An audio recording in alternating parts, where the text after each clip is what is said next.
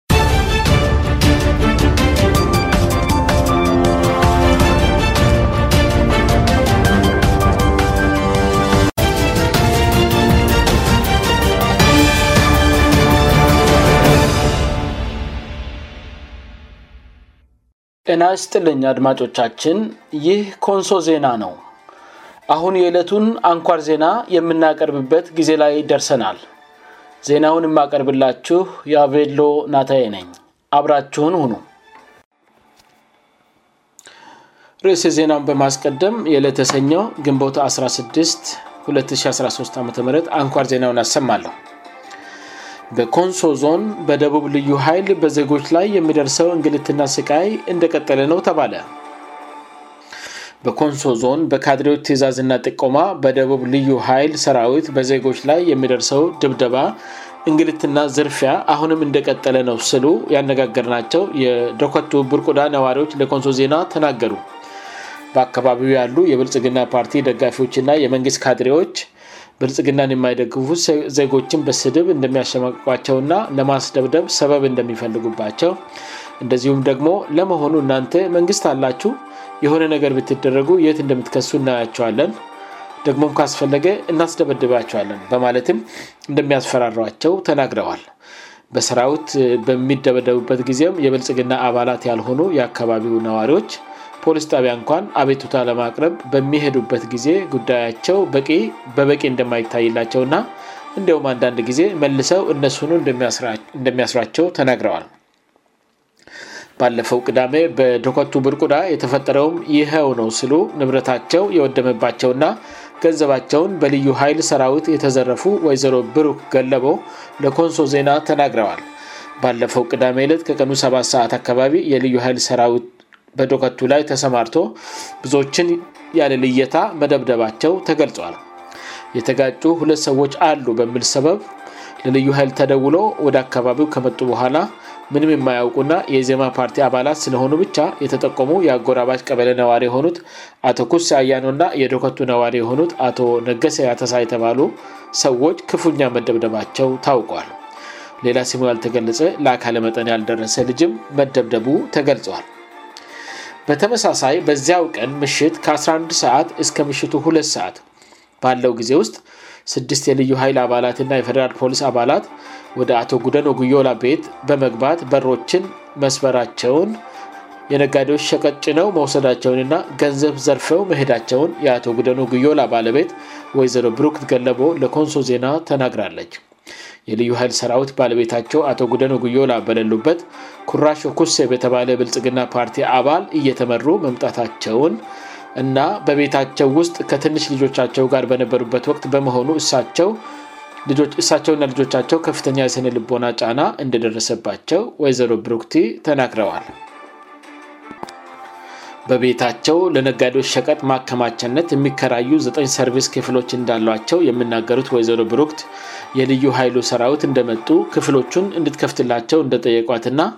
እሷም ደግሞ ለሰዎች ለቃ ማከማቸነት የተከራዩ ስለሆኑ የሰውን ንብረት መክፈት አልችልም ማለቷን ተነግራለች ሆኖም የልዩ ኃይሉ ሰራዊት ሶስት ወታደር እሷ ጋር እንዲሆኑ ተደርጎ ሦስቱ ደግሞ ከተራ ቁጥር ዘጠኝ ጀምሮ ያሉትን ክፍሎች በሮች ተራ በተራ በጠመንጃ ሰደፍ ደብድበው በመሰባበር ከውስጡ ያሉትን የጫማና የጨርቃጨርቅ ሸቀቶችን ወደ ውጭ ማውጣታቸውን ገልጻለች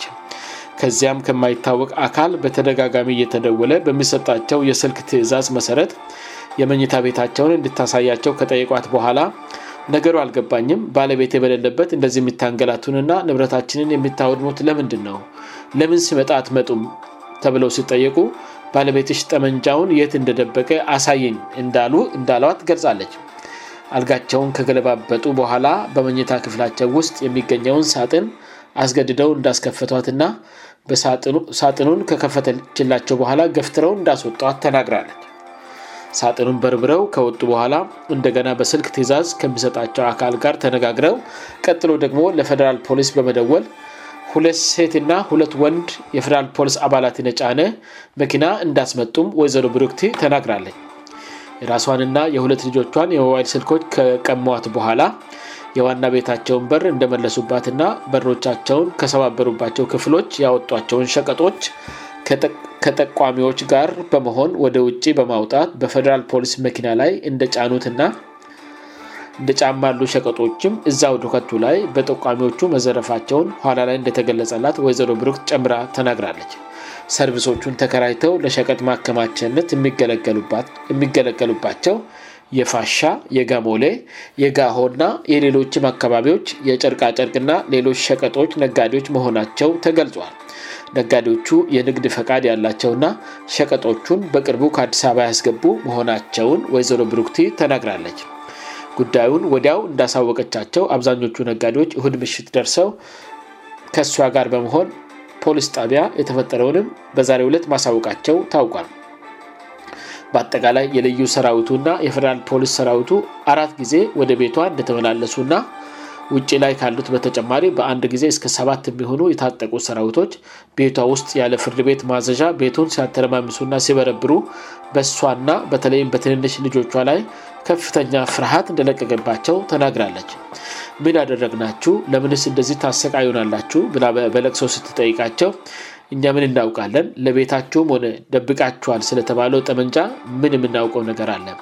በእናንተ ሰዎች ታዘን ነው ማለታቸውን ወይዘሮ ብሩክቲ ተናግራለች ወታደሮቹ እቃውን ሁሉ ጭነው ከጨረሱ በኋላ ስልኮቹን እንደመለሱላትና አስፈራርተው እንደህዱ ገልጻለች የምትደግፉትን ፓርቲ እናውቃለን የዜማን ፓርቲ መደገፋችሁን አቁማችሁ ልጆቻችሁን ብታሳድጉ ይሻላቸዋል ጠቋሚዎቹ ላይ አንድ ነገር ብደርስ ተመልሰን ዋጋሽን እንሰጥሻለን አለበለዚያ ግን ከአንቺ ጋር ያለንን ጉዳይ ጨርሰናል ማለታቸውን ወይዘሮ ብሩክቲ ተናግራለች ወታደሮቹ ከእህዱ በኋላ የዘጠነኛ ክፍል ተማሪ የሆነው ልጇን ወደ መኝታ ቤቷ ሄዶ የተፈጠረውን እንድመለከት በነገረችው መሰረት ዶ ሁኔታዎችን ሲያጣራ እቁብለ መጣል ብላ በቅርቡ ከባንክ ያወጣችው 410 ብር መወሰዱን ስገልጽላት እሷም ዘላ ወደ ውስጥ በመግባት ሳጥን ውስጥ ያሉ እቃዎችን ሙሉ አንድ በአንድ ፈትሻ መወሰዱን ስታረጋግጥ ጉዶንቁብላ እንደገና መጮን ተናግራለች ጠመንጃ እየፈለግ ነው ብለው ነን ከመኝታ ቤት ያስወጥተው አ1 ብሬን ዘርፈውኛል ብላለች